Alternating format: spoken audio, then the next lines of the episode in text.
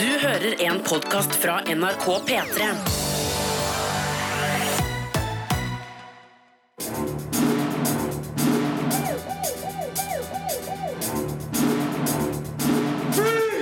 Filmpolitiet!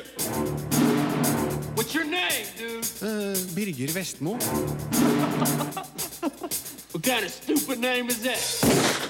Fast and Furious 8 er på all måte en overdrevent stor actionfilm.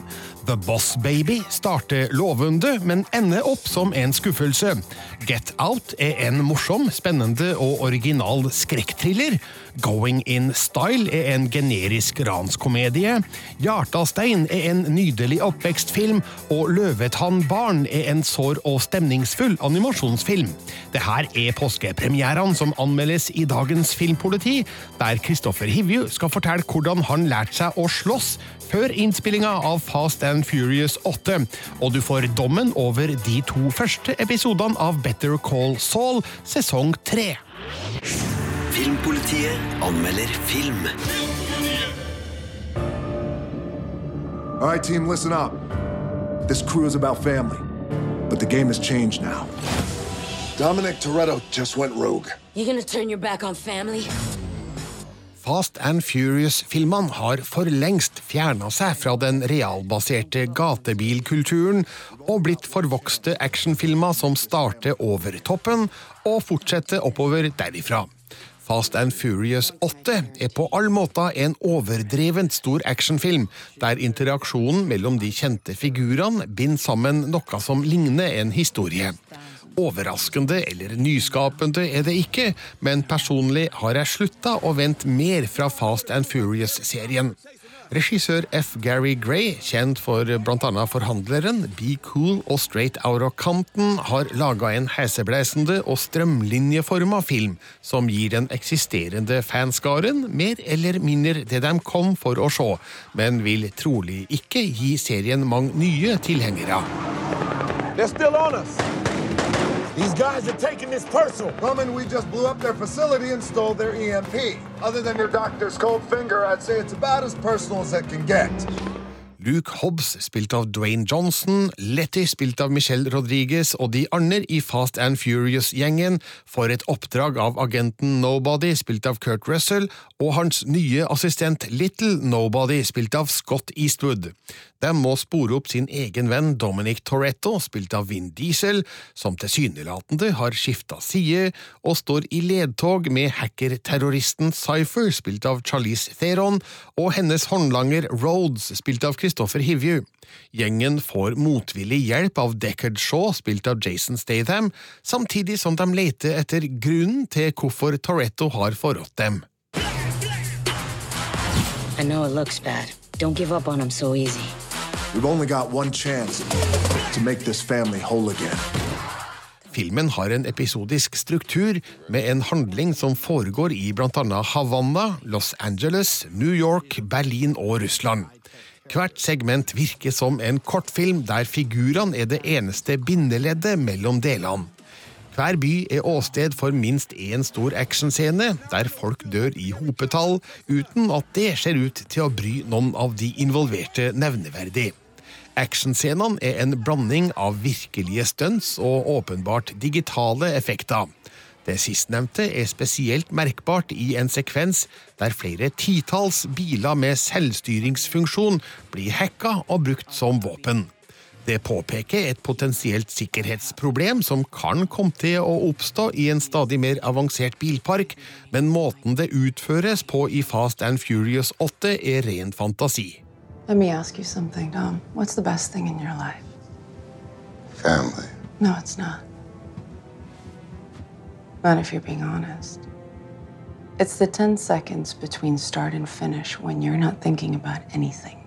No family, no obligations, just you. Being free. Persongalleriet i Fast and Furious 8 berikes av Charlize Theron som iskald skurk, sjøl om hennes motiver er diffuse. Christopher Hivju har riktignok en mindre rolle som hennes høyre hånd Rhodes, men kler rollen, får vist muskler og har en avgjørende funksjon. Det er likevel de sedvanlige heltene som står i fokus, med den parodiske machokranglinga mellom Dwayne Johnson og Jason Statham som et slags høydepunkt. Det er så macho-banalt at man himler med øynene, men heldigvis kommer det til et punkt der karene sjøl må glise på grunn av dialogen de er utstyrt med. I mean, do you really believe you could beat me in a straight up old fashioned fist fight? Let me tell you something. Me and you, one on one, no one else around. I will beat your ass like a Cherokee drum. Handlinga i Fast and Furious 8 beveger seg stadig med full forakt for realisme og troverdighet. Skal man ha det gøy med denne filmen, må man velge å tro på en lang rekke usannsynligheter og forenkla problemstillinger. Det som gjør denne filmen til passabel lavterskelunderholdning, er en vedvarende energi med en løssluppen morofaktor. Jeg kunne nok ha ønska at Fast and Furious 8 hadde et sterkere bånd til seriens gatebilrøtter, men de siste filmene har vokst såpass i format at det trolig er for seint å snu. Målsetninga ser ut til å være å gjøre serien større og større, helt til den sprekker. You all made Interpol's top 10 most wanted list. Top 10? Mm-hmm. That's all right. Well, I, not you, Roman. What do you mean? You just missed the cut. You're number 11. Terningkast fire. Kristoffer Hivju spiller skurk i Fast and Furious 8. Charlize Theron er hovedskurken, som Cypher, men Hivju spiller da Rhodes, som er hennes høyre hånd. Det her måtte jeg snakke med Kristoffer om, så jeg ringte han opp eh, i forrige uke mens han var i Sverige. Nei, Nå holder vi på å filme fire nye Beck-filmer med min eh, karakter Steinar Hovland. Eh, og jeg sitter nå i min, min bobil. Eh, du vet, Vi har ikke trailer i Skandinavia, så de må enten ha campingvogner eller bobiler. Og bobiler, det går helt bra. Hadde du trailer på innspillinga av Fast and Furious 8? Altså, jeg, ja, jeg hadde en stor trailer der, men det var ingenting i forhold til hva slags trailere Vin Diesel, eh, Dwayne Johnson og Charlie Theron og regissøren Altså, det var en trailerpark som ikke Jeg har ikke sett noe lignende. Det var så mange store trailere at vi, at vi fylte en gigantisk parkeringsplass. Altså, ja, Vin Diesel hadde i hvert fall fire til seg selv, og ett av dem var helsestudio. Så det er klart at uh, det, var, det var, litt, var litt større skala akkurat der på akkurat det. Merka du et slags hierarki her mellom de veteranene som har vært med fra film 1 og til, til deg som er nykommer i, i Furious-gjengen? Altså, Vin Diesel har jo vært med på denne sagaen fra første filmen. Han hoppa jo ut av eh, to av filmene, men allikevel så er han jo også produsent for filmen. og og det er klart at uh, han har mye å si for, uh, for uh, hvilke valg som blir tatt, og er ekstremt engasjert i alt fra de minste detaljer på manussiden og til hele historielinjen. Så um, det er klart at uh, her er det mange store skuespillere. Og, men uh, målet er måte, alle har et felles mål, og det er jo å fortelle den historien på best mulig måte. Uh, så, så, det var, det var, ja, det var Jeg syns det var fruktbart. Hvordan var det for deg å komme inn i denne samkjørte gjengen som har holdt sammen over flere filmer? Nei, altså filmen, Filmene handler jo dypest sett om familie. At uh, dine venner er din, din, din, familie, og at man er villig til å gjøre hva som helst for hverandre. Og er lojal inntil døden. Uh, så det er klart at det har jo gjennom 20 år med innspillinger, så er det jo klart at det, den gjengen er blitt en sammensveisa og, og, og kjærlig gjeng som uh, digger å jobbe med hverandre. Nei, jeg ble tatt veldig godt imot, og jeg hadde en, uh, jeg hadde en veldig fin innspillingsperiode. Uh, og fikk også komme med masse forslag og endte opp på kafé med manusforfatteren for å tweake på manuset. Og, vi, og jeg og Vin Diesel vi har jo noen felles kjærlighet for one-liners. Så det var veldig gøy å sitte og, og, og kaste den ene one-liner etter den andre for, for å prøve, prøve å finne liksom Eh, replikker som, som, som smeller. Så, så, så det, det hadde vi mye moro med. Nå kan jo ikke vi sitte her og avsløre akkurat hva figuren din gjør i løpet av Fast and Furious 8, men eh, kan vel si såpass at eh, det er noe slåssing og våpenbruk involvert her. Er det her ting du har inne fra før som skuespiller, eller måtte du lære deg nye ting? Jeg jo, har jo slåss mest med sverd, jeg altså. Så jeg eh, fikk jo ikke lov til å ha med meg sverdet i denne filmen, så jeg måtte slåss med nevene.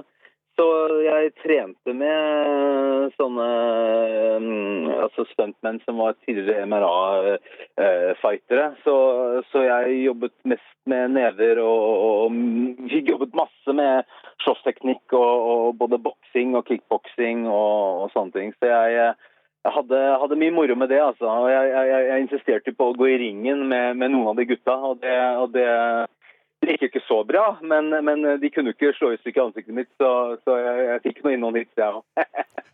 Eh, hvor lang tid bruker man på en, eh, på en, en slåssscene? Altså, det er dagevis. Eh, det kommer litt an på hva slags slåssscene det er, selvfølgelig, men, men her så, så ja, vi brukte i hvert fall ja, jeg, for vi brukte i hvert fall fire eller fem dager, ja. Så, eh, så det, er, det, er, det er mye som skal, mye som skal sitte. Du får eh, altså da spill mot blant annet Charlize Theron i eh, Fast and Furious 8. Hun spiller Cypher. Du er håndlangeren, eller ja, våpendrageren, hva vi, skal vi kalle den, Roads. Hva slags forhold utvikla dere der? Nei, altså Jeg har jo alltid beundret Charles Arounds uh, talent uh, og sett, jeg tror jeg har sett absolutt alt hun har gjort. Ja. Uh, så det var jo en stor glede å få jobbe med henne. altså. Og hun er en råkul dame og proff ut i fingerspissene. Og, eh, og så veldig nøye på hvilken valg hun gjør og, og sånne ting. Og så var det veldig gøy å måtte se hennes transformasjon, for hun spiller en ganske kald jævel, for å si det som det er. eh, Og, eh, og det var en fryd å se henne i aksjon, altså. Så, eh, så nei, vi hadde, hadde gøy. Eh, Som sagt, til syvende og sist er vi bare klovner som prøver å fortelle en historie.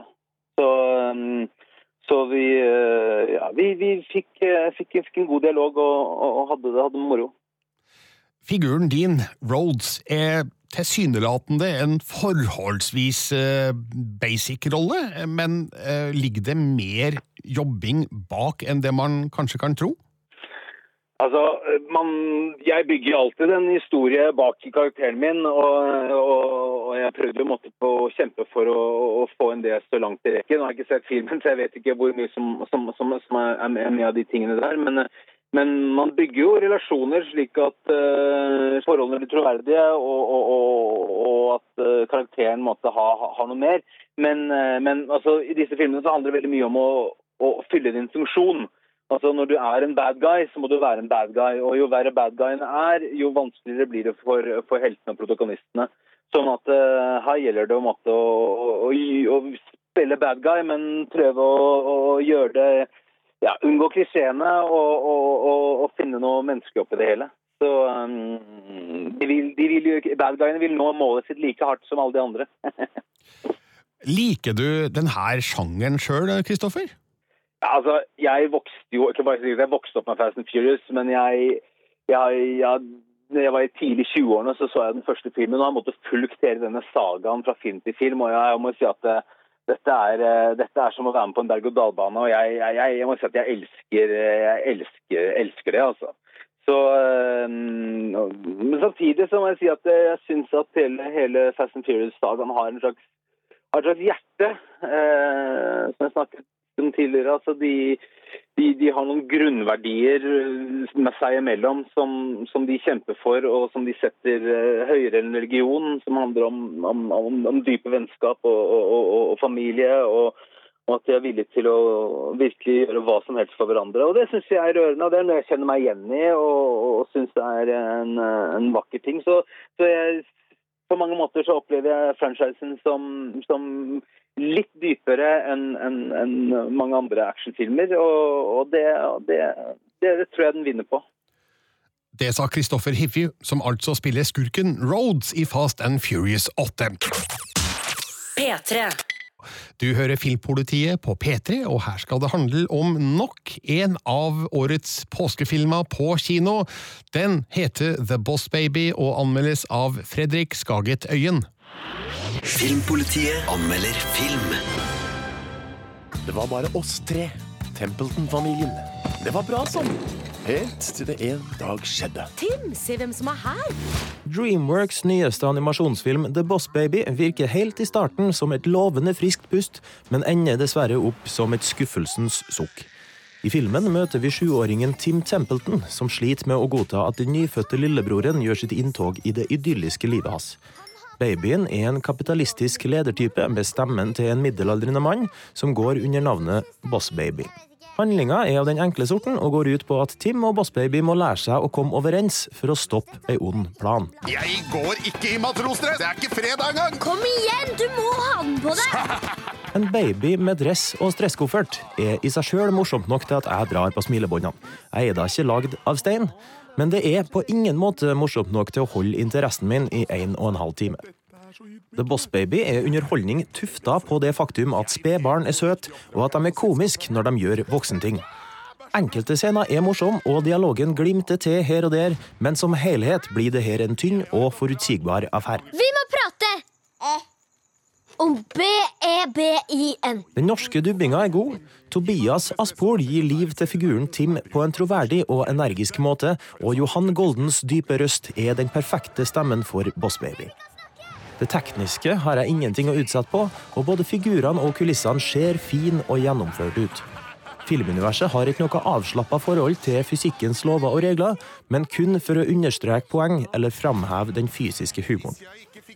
Filmens beste øyeblikk foregår i Tims fantasiverden. De her sekvensene er ikke bare visuelt slående, men de klarer òg å gjenskape følelsen av barnelek på en kreativ måte. Vi babyer er inne i en krise. Å nei! Så fælt! Grusomt! Filmen forsøker å underholde barn og voksne samtidig, men lykkes ikke helt med det her sjongleringsnummeret, sånn som de beste filmene i sjangeren gjør. The Boss Baby rører ved tema som sjalusi og det å bli erstatta, noe storesøsken i alle aldre vil kunne kjenne seg igjen i. Men det som kunne ha blitt Dreamworks svar på Toy Story, blir i stedet en enkel slapstick-komedie med litt for mange oppbrukte filmreferanser og halvhjerta one-linere til at den når sitt potensial. Legg den kjeksen ned! Kjeks er for sjefene! Terningkast tre. The Boss Baby ble anmeldt av Fredrik Skaget Øyen. Filmpolitiet anmelder film. You got your toothbrush? Check. Do you have your deodorant? Check. Do you have your cozy clothes? Got that. What? Do they know I'm black? Should they? You might wanna, you know. Mom and Dad, my black boyfriend will be coming up this weekend. I just don't want you to be shocked that he's a black man. Get Out er en skrekkthriller med satiriske innslag, der stemninga og kontekst er viktigere enn effekter og enkel skremmetaktikk. Manusforfatter og regissør Jordan Peel tar seg god tid til å bygge opp en skummel atmosfære, der uhyggen ikke skapes ved å rope bø, men kommer krypende sakte, men sikkert gjennom smart historiefortelling. Resultatet er en morsom, spennende og original film med sterke undertoner av problematikk rundt rasisme og diskriminering. Get Out kan oppfattes som en observasjon av hvordan det kan føles å være en ung, svart mann i en hvit del av Amerika, der borgerskapets handlinger representerer århundrer av fordomsfulle menneskesyn og utnyttelse av sorte. Det gir Get Out en ekstra dimensjon på toppen av å være en effektiv thriller. So how long has this been going on? This this thing. how long? Four months. Four months. Chris Washington, spilt av Daniel Kaluuya, skal møte familien til kjæresten Rose, spilt av Alison Williams, for første gang.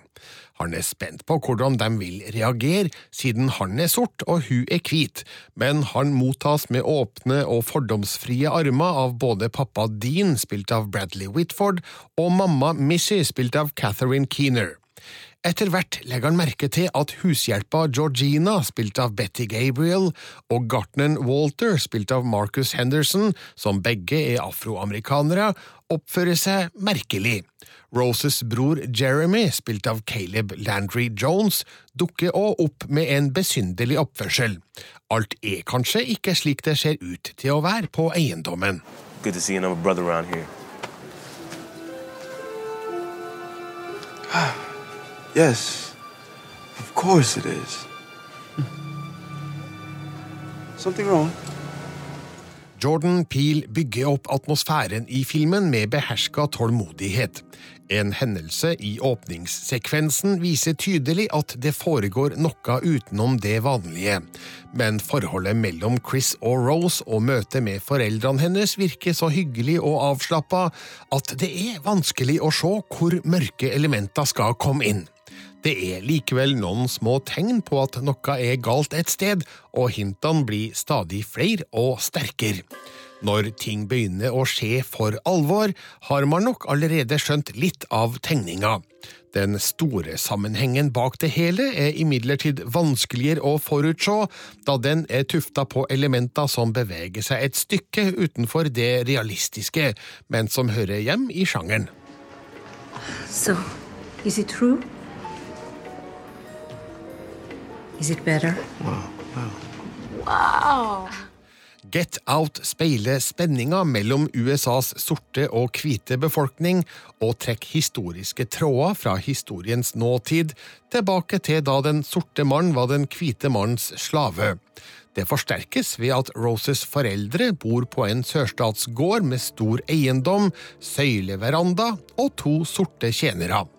Dean påpeker riktignok det tilsynelatende suspekte ved det her sjøl, men har en godhjerta forklaring.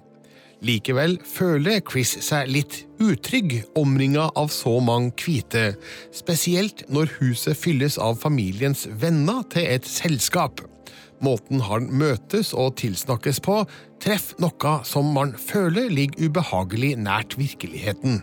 I didn't want to tell you. What? I got hypnotized last night. Nigga, get the fuck out of here.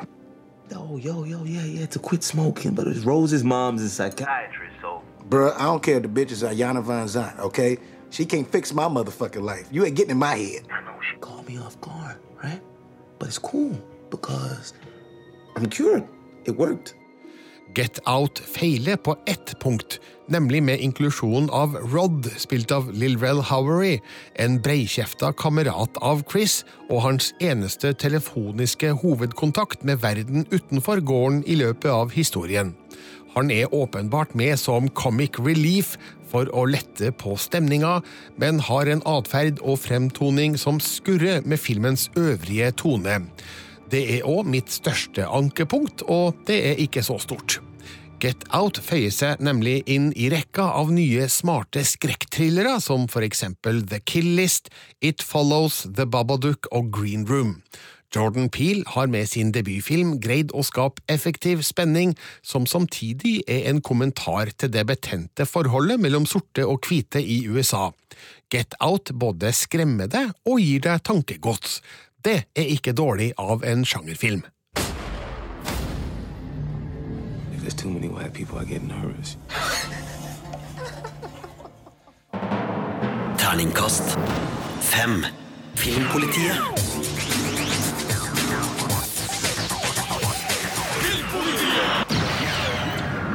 Det er litt av et stjernelag som samles i ranskomedien Going In Style.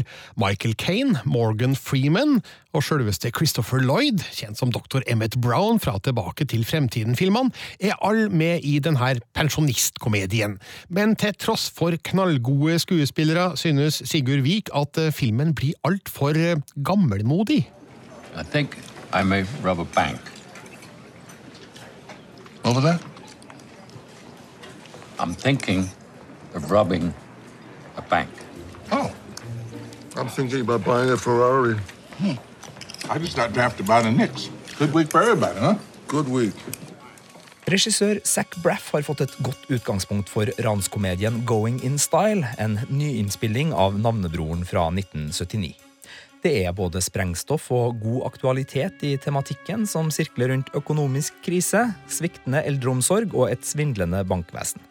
Og han har et helt unikt godt skuespillergalleri til rådighet, med Michael Kane og Morgan Freeman på toppen av plakaten. Men i stedet for å følge opp filmens opprørske og samfunnskritiske anslag, serverer en publikum lunken restemat fra Hollywoods mange heist-filmer, og dekker til alle skarpe kanter med en generisk saus av nostalgi. They're taking my house. You're taking your house and you didn't tell us? What are you going to do? Lend me money? We're all broke. We, the three of us combined. These banks practically destroyed this country. They, they crushed a lot of people's dreams. And nothing ever happened to them. We're three old guys. We, we, we hit a bank, we get away with it. We retire with dignity.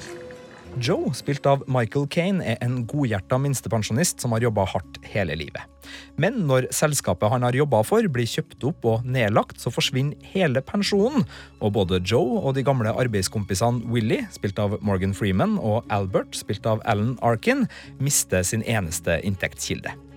Når de i tillegg oppdager at det er deres lokale bank som ender opp med pengene fra det oppløste pensjonsfondet, så blir det for mye for vennegjengen, og de vil rane tilbake sin egen pensjon fra banken. You those guys in the bank had machine guns? You told us six times already. Yeah, well, it, it keeps going in my head over and over. Maybe you're having a stroke. Filmen er sår relevant og god når den skisser ut hvor forferdelig urettferdig og uanstendig den amerikanske forretningslogikken kan være mot hardtarbeidende individer. Men fra det tidspunkt Joe sier ordet bankran, så blir det her dessverre en middelmådig B-film som stort sett gjentar variasjoner av vitsen 'det her er vi for gammel til'. Here you go, boys. Always have your pie. Life is short. Well, thanks for the reminder. She's right, you know. We should be having our pie and eating it. We've earned that much, at least. Going in Style må være en skuffelse for veteraner som Morgan Freeman og Michael Kane. Sist de jobba sammen, var det med den innovative Christopher Nolan på hans vellykka Batman-trilogi. Denne gangen er det for en småfeig Zac Braff som har forlatt både særpreget og følsomheten han viste i debutfilmen Garden State, og nå framstår som en anonym og pregløs filmskaper som får altfor lite ut av sine stjerneskuespillere. Og så er det jo ikke til å komme bort fra at det klinger ganske surt at en film som starter med å kritisere kyniske markedskrefter, ender opp med å ofre all brodd og aggresjon til fordel for en hul og markedstilpassa pensjonistkomedie. Worst comes to the worst, we get caught, we get a bed, three meals a day, and better health than we get now. Going in Style ble anmeldt av Sigurd Vik. P3. P3. Filmpolitiet anmelder TV-serie. Free for breakfast tomorrow? I cleared my morning. What's our next move? Don't think I'll ever forget what happened here today. You will pay. You destroyed our family? You happy now? Is there anything else I can do for you? Endelig er Better Call Saul tilbake på skjermen. Den første episoden hadde premiere på Netflix på um, tirsdag, og så kommer det en ny episode til utover. Sigurd Vik, du har sett de to første, Ja. og nå begynner det å dra seg til. Nå begynner det å dra seg til. Dette er jo en prequel, eller en forløper, til den forholdsvis kritikerroste serien Breaking Bad, som gikk i seks sesonger, og som handla om en kjemilærer som eh, fikk kreft og fant ut at hei, jeg kan lage methamfetamin, type blå farge, og selge, og dermed så ble han en crime lord. Og det her er da historien om advokaten uh, Saul Goodman, eller Jim, James McGill, som han heter i starten. Og det starta som en litt sånn seig serie der han egentlig ikke er så veldig skurkete og en ganske sånn uh, nedpå fyr. Og så har det da eskalert litt sånn sakte over de to forrige sesongene, og nå begynner vi å se Breaking Bad-land her. Ja, Det begynner å skli ut nå. Det begynner å skli ut litt nå. Én ting er på en måte at øh, vi ser øh, konturene av den advokaten han er i ferd med å bli, fordi nå er det både på hjemmebane og i jobb en del Eh, litt sånn konfliktstoff for, eh, for Soul, da, som vi kan nå begynne snart å kalle den, eh, som gjør at han må ta noen valg i forhold til hvem han skal være, og hva han har lyst til å gjøre med livet sitt. Og der er serien jeg vil si nesten bedre enn Breaking Bad i forhold til å, å vise fram hvordan en person kan gå mot det mørke og det kriminelle. Eh, Det er en mye seigere eh, vei, det her, men vi er med på alle valgene. Krangelen med bror, krangelen med dame, eh, tvilen, irritasjonen over ting han ikke liker med, med det perfekte livet han nesten lever, og så videre og så videre. Så den er veldig god der. Vi skal til en plass som jeg vet at veldig mange liker, nemlig en viss kyllingrestaurant som drives av en viss Gus Frings, og som heter Los uh, Polos Hermanos. Eh, Så nå er vi veldig nærme Breaking Bad, også i eh, kulisser og, og steder og, og um, typer. Jeg har venta litt på at jeg skal ta av, fordi jeg liker jo de to første sesongene av Better Call Saul, men, men, men han, vi ser at han bare prøver og prøver og prøver å gjøre det rette og bli en ordentlig advokat, og så har jeg egentlig bare tenkt som så at det, det blir sikkert mye mer spennende når han begynner å utforske litt mer kriminelle aspekter ved, ved jobben hans. Ja, om det blir mye mer spennende, det, det vet ikke jeg, for den er fremdeles Altså, Den verste fienden til den serien her er jo hvor seig den er. Men det er jo veldig mye gevinst i det, fordi man er med på de her langtekkelige møtene, og Mike er ute på overvåkningsoppdrag og sitter i bilen og drikker kaffe og følger med og følger med. og følger med. Det er utrolig seigt, men så er det jo utrolig artig når det da skjer. Den fortsetter med det her, så ikke forvent at du liksom bare sånn Ah! Action! Advokaten har blitt slem! Nå skal det smelle! Ja. Det er fremdeles rolig karakterbygging, det her. Men nå har du bare sett de to første episodene, da. Det kan jo ta skikkelig av fra episode tre? Det kan være det. Men uh, tørs du å sette penger på det? Nei, ikke foreløpig. Men jeg tørs sette penger på at Better Call Saul sesong tre er i gang på Netflix. Første episode altså allerede ut. Eh, Ny episode på tirsdager fremover. Terningkast fem. Les mer om film, spill og serier på p3.no Filmpolitiet. Filmpolitiet hver fredag fra 11 til 1 på P3.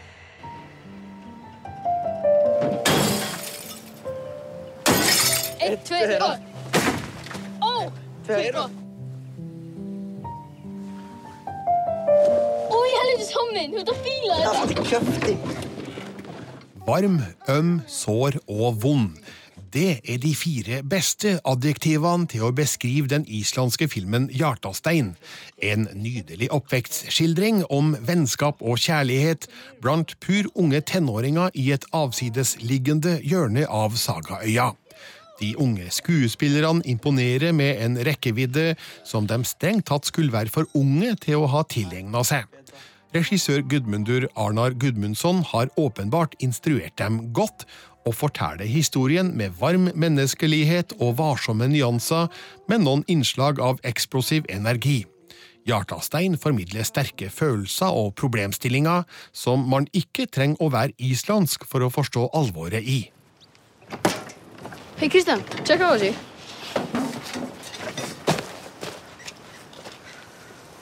Hvað gerðist þér?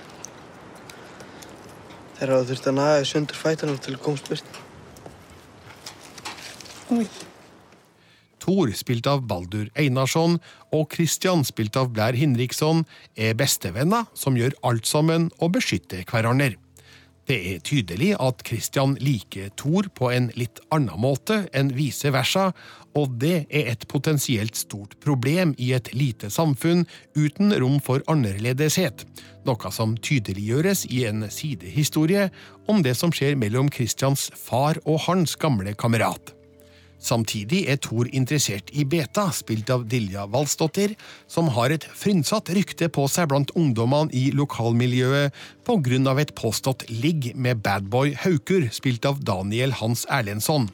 I løpet av filmen vil alle de involverte i ulik grad preges av folkesnakket blant både unge og gamle. Han er alveg smásætt. Þetta er hann fýbli.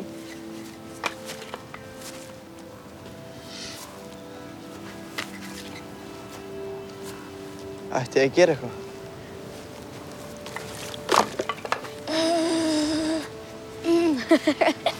Þegið. Hjartastein er filma tett på figurene. De forsøker å holde sine sårbarheter skjult for hverandre, men når de er alene, er de lette å lese. Hva de tenker og føler, avdekkes for åpent kamera. Det er imponerende sett i lys av skuespillernes unge alder. Baldur Einarsson spiller Thor som en energibunt som bor med sin skilte mor, spilt av Nina Døgg Filippusdatter, og to eldre søstre, Rakel, spilt av Jonina Tordis Karlsdottir, og Haftis, spilt av Ran Ragnarsdottir, som veksler mellom å være kjærlige søsken og skadefro monstre. Thor mangler en farsfigur i livet sitt, og det er kanskje derfor han er såpass alene med utfordringer som damene i huset ikke er i stand til å se. Baldur Einarssons rolle er gjennomført dynamisk, kraftfull og omsorgsvekkende. Veist það, mér er bara alveg drullu saman hvað það gerir. Ef þú vilt vera ykkur bæjar hóra þá getur bara riðið eins mörgum köllum að langa til fyrir mér. Ertu eitthvað fokkin rugglakelling? Blair Hindriksson spiller òg imponerende godt som Christian, en ung gutt som ennå ikke har funnet helt ut av sin seksualitet, kanskje fordi han aner hvilke konsekvenser det kan få for han om han kommer ut av skapet, eller kanskje fordi han rett og slett ikke veit det sjøl ennå. I filmen ser vi hans famlende forsøk på nærkontakt med Hanna, spilt av Katla Njalsdottir, der han kanskje tvinger seg til å prøve for å kjenne etter. Etterpå må han ta seg et kaldt bad, ikke for å kjøle seg ned, men for å skrike under vann så ingen kan høre det. Kanskje er det her øyeblikket der han innser sin seksuelle legning og forstår at det her er en sosial dødsdom for han. Kameratskapet mellom Thor og Christian stikker dypt, noe vi ser i flere gode scener med strålende samspill mellom Baldur Einarsson og Blair Hinriksson. Hva er det frétta þér og Kristjáni? Einhverja kæristur? Ég held að sé nú bara sáttir að hömpast á hverjum öðrum, sko. Fokka þér. Hjartastein viderefører tematiske elementer fra Gudmundur Arnar Gudmundssons to forrige kortfilmer, Valfjørdur fra 2013 og Artun fra 2014, som òg omhandla ung problematikk. Den har òg mye til felles med en annen islandsk oppvekstfilm, nemlig Runar Runarssons Småfugler, som gikk på norske kinoer i 2016. Begge skildrer ungdommer under ustabile forhold, både hjemme og ute i samfunnet på landsbygda, et godt stykke unna Reykjavik, der både mennesker og omgivelser sliter med ringvirkninger etter landets finansielle kollaps i 2008. Det begynner å bli repeterende å si det, men Hjartastein er nok en liten filmperle fra Island.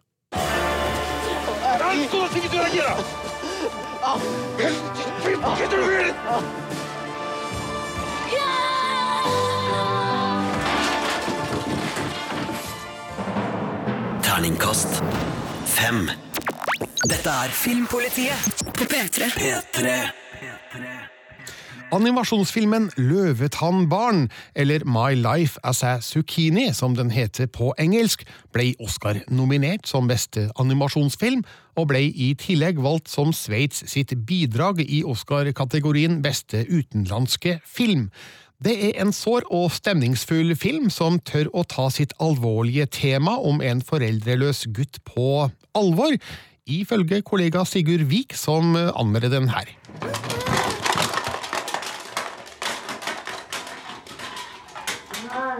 Hva er det som skjer? Løken?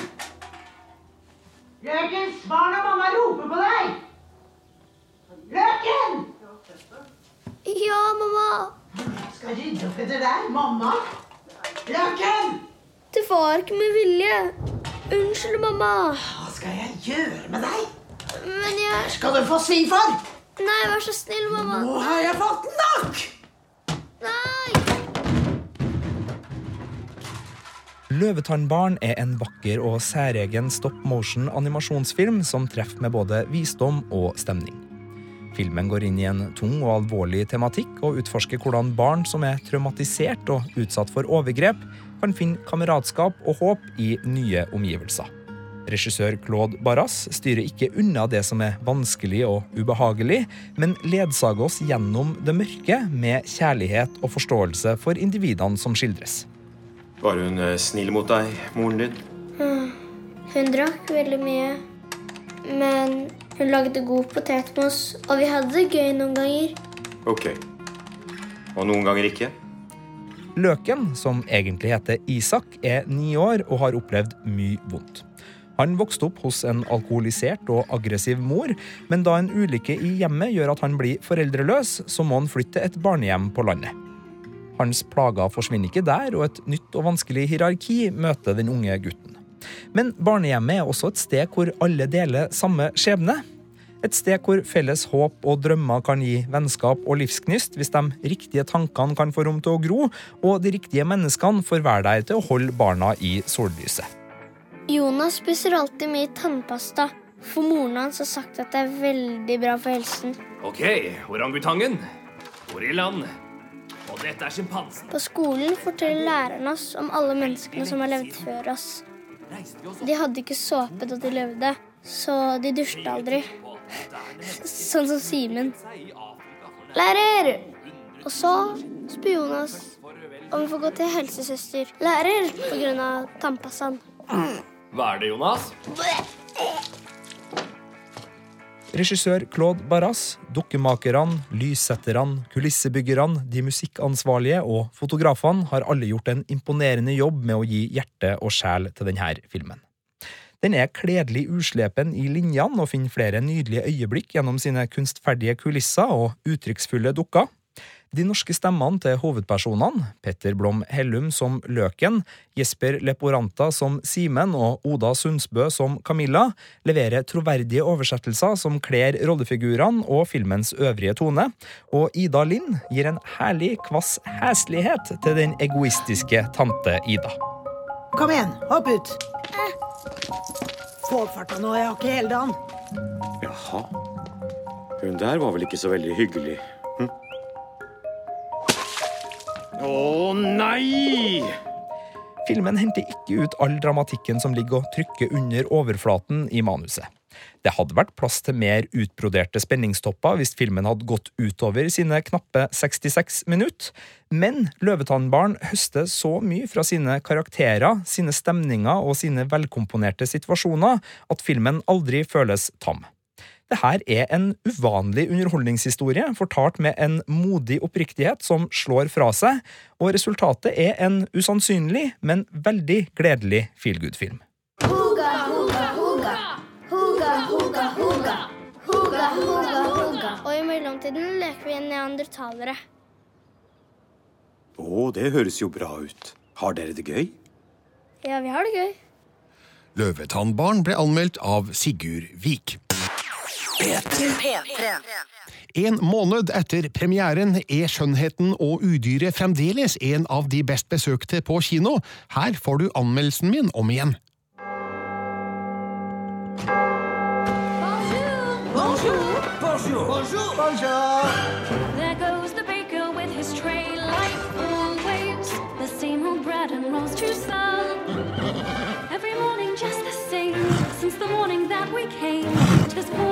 Provincial town. Good morning, Belle. Good morning, Monsieur Jean. Have you lost something again? Well, I believe I have.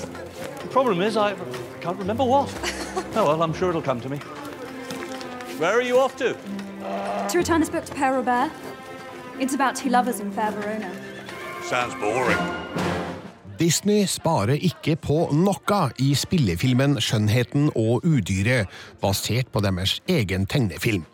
Regissør Bill Condon har fått laget stort, vakkert og sveipende eventyr, som visuelt matcher minnene fra 1991-filmen langt på vei.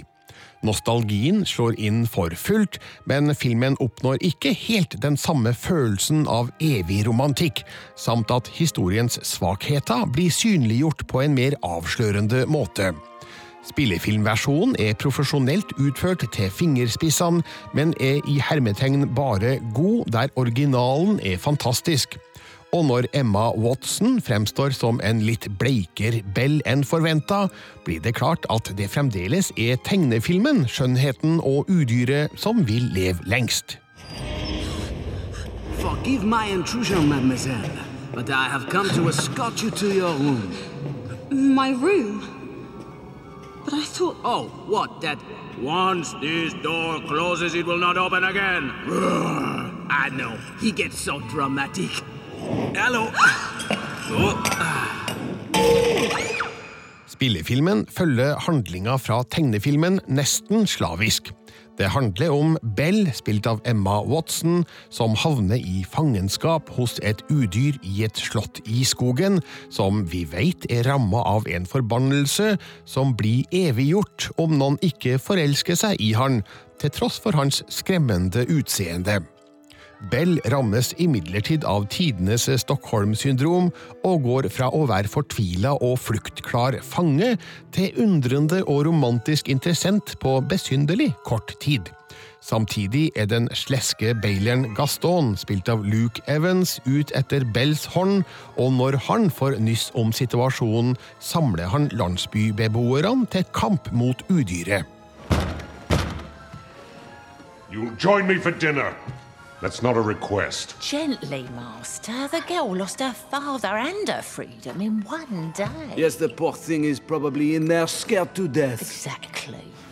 Etter hvert som eventyret utspiller seg, blir det klart at filmen ikke har tenkt å gjøre store sprell med handlinga.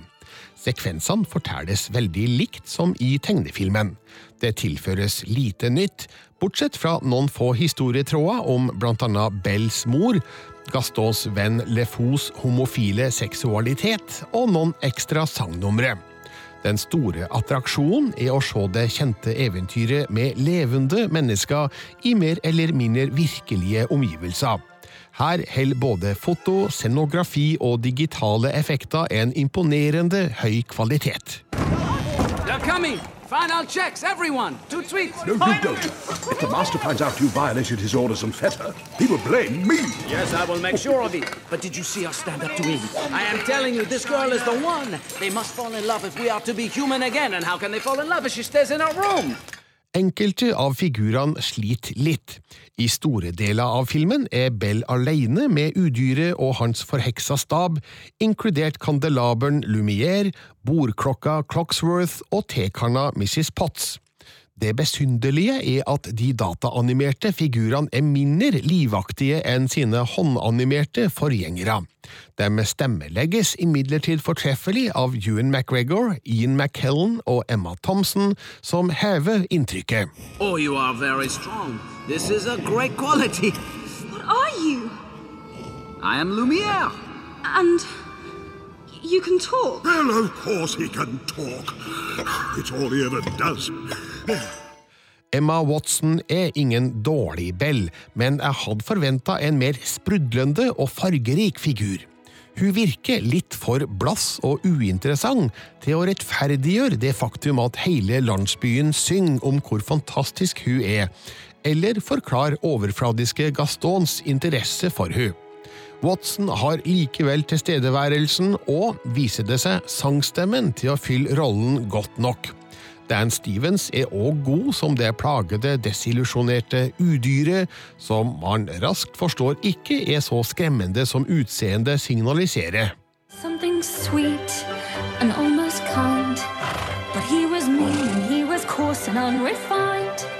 And now he didn't see there before. Eventyrets moral har alltid vært en smule råtten, noe som merkes tydeligere her enn i tegnefilmen. Historien påstår å handle om indre skjønnhet, men ytre stygghet er likevel sjølve utfordringa, og ytre skjønnhet er det som ønskes, og er den store premien for å overvinne hindringene. Moralen hadde vært mer troverdig om udyret hadde fortsatt å være udyr, men man får ha forståelse for at det kanskje hadde vært et eventyr med mindre appell. Pretty eyes, proud face, perfect canvas. Yes, I will find you something worthy of a princess. Oh, I'm not a princess. Nonsense! Now, let's see what I've got in my drawers.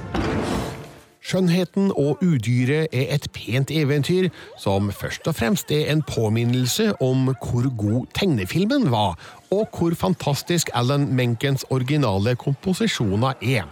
Musikken gjenbrukes veldig godt i den nye filmen, mens Menkens nye melodier også behager ørene. Det her er så fengende toner at det nesten ikke går an å mislykkes. Det har regissør Bill Condon heller ikke gjort. Fortellergleden er overbevisende, detaljrikdommen er imponerende, og kjærlighetshistorien holder fremdeles akkurat passe temperatur. Skjønnheten og udyret føyer seg pent inn i rekka av Disneys nye versjoner av gamle tegnefilmer, sjøl om den må finne seg i å overskygges av originalen.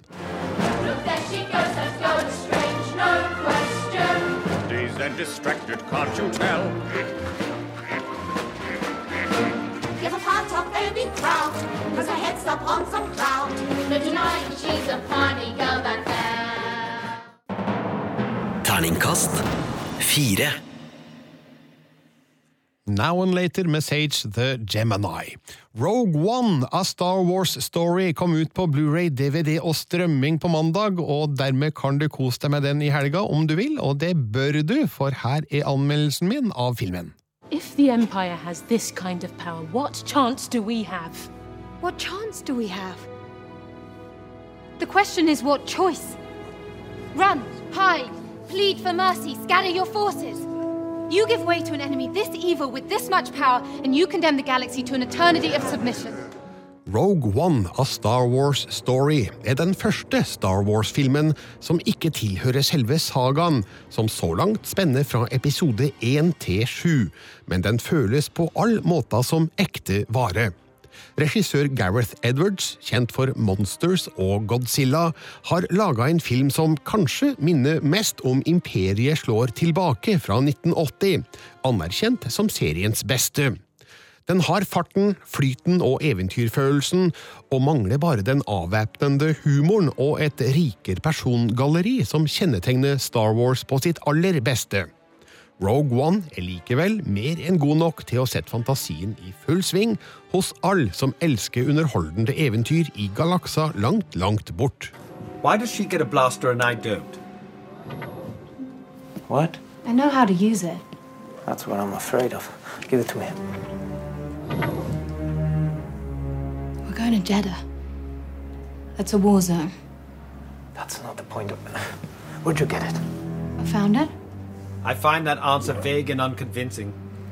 Handlinga skildrer opptakten til den første Star Wars-filmen fra 1977. Hovedpersonen er Gin Erso, spilt av Felicity Jones, som går gjennom den samme reisen som Luke Skywalker i den første, og Ray i den nyeste. Også Gin er ung og selvstendig, likegyldig til kampen mot imperiet, og kastes inn i et eventyr hun ikke søker. Det viser seg at hennes far, Galen Erso, spilt av Mats Mikkelsen, som hun ikke har sett på mange år, er konstruktøren bak den nybygde dødsstjernen. Når opprørerne vil finne ut hvordan imperiets supervåpen kan ødelegges, blir Gin et viktig redskap. Hun blir tvunget ut på et interplanetarisk tokt for å leite etter faren, med en gjeng krigere fra opprørsalliansen, blant annet Cassian Andor, spilt av Diego Luna, og roboten K2SO, spilt av Alan Tyduck. Are you sure this is the way? They, they have landing trackers there. They have patrol squadrons. You've got to stay in the canyon. Keep it low. There's a 26% chance of failure. How much further? I, I don't know. I'm not sure. I never really come this way. We're close. We're close. I know that. Well, now there's a 35% chance of I don't want to know. Thank you. I understand. Rogue One kaster ikke bort tid, og setter eventyret i gang med det samme. Spenninga er der fra begynnelsen, samtidig som Gareth Edwards og hans antageligvis enorme stab skaper et stort, deilig og mangfoldig univers som er lett å kjenne igjen fra tidligere filmer. Historien foregår kanskje på nye planeter, men det visuelle uttrykket har en umiskjennelig Star Warsk signatur. Her pakkes eventyret inn i effektfulle actionsekvenser av ypperste sort, med et knippe helter som rekk gjør seg nok bemerka til at man bryr seg om deres skjebner. Ved siden av de som allerede er nevnt, gjør òg Forrest Whittaker, Donnie Yen og Riz Ahmed fine roller, mens Ben Mendelsohn er akkurat passe slem som Krennic, mannen med kommandoen på dødsstjernen. What is arbeidet you want? I need you to come back. I won't do it, Krennic. We were on the verge of greatness. We were this close to providing peace and security for the galaxy. You're confusing peace with terror. Well, you have to start somewhere. Av og til er Rogue One litt for ivrig til å gi vink til andre Star Wars-filmer. Det her er spesielt merkbart med den tørrvittige roboten K2SO når den utregner odds, har en dårlig følelse eller holder vakt ved et kontrollpanel i en fengselsblokk. Her bruker filmen altså referanser til dialog og situasjoner som ikke har skjedd ennå i seriens kronologi. Samtidig har filmskaperne flittig gjenskapt miljøer, personkarakteristikker og teknologi som vi drar kjensel på. Det her er kanskje naturlig, siden historien foregår rett før den første Star Wars-filmen begynner, men det føles som om regissøren av og til er litt i overkant bakoverskuende. Rogue One gir òg glimt av noen kjente figurer som ikke kan spilles av de opprinnelige skuespillerne, og det her slår ikke helt heldig ut. CGI-teknologien har rett og slett ikke kommet langt nok. Heldigvis gjelder det her noen få scener i filmen, og det skjemmer ikke helhetsinntrykket nevneverdig.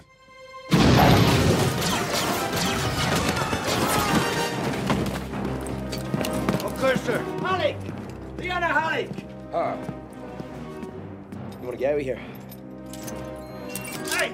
Move at me! Samtidig som Rogue One A Star Wars Story har mye til felles med de andre filmene, har den òg en litt annen stemning. Historien er mørkere og mer alvorlig for de impliserte, noe som er forståelig av det som utspiller seg, men som samtidig gjør at man savner flere humoristiske glimt. Kanskje er det òg derfor filmen utelater noen av formgrepene vi har blitt vante til, som den rullende introteksten og de sveipende overgangene mellom scenene, nettopp for å signalisere forskjellene og understreke at denne filmen er noe for seg sjøl.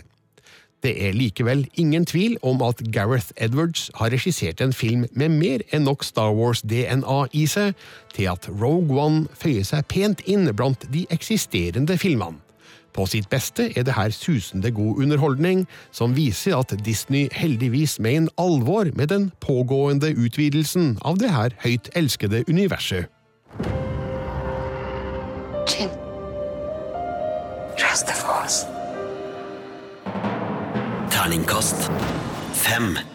Og nå er altså Rogue One av Star Wars Story ut på Blu-ray, DVD og digitalt. P3. Denne podkasten fra Filmpolitiet er over. Ha en fortsatt riktig god påske! Les mer om film, spill og serier på p3.no Filmpolitiet. Filmpolitiet hver fredag fra 11 til 1 på P3. Du finner flere podkaster på p3.no podkast.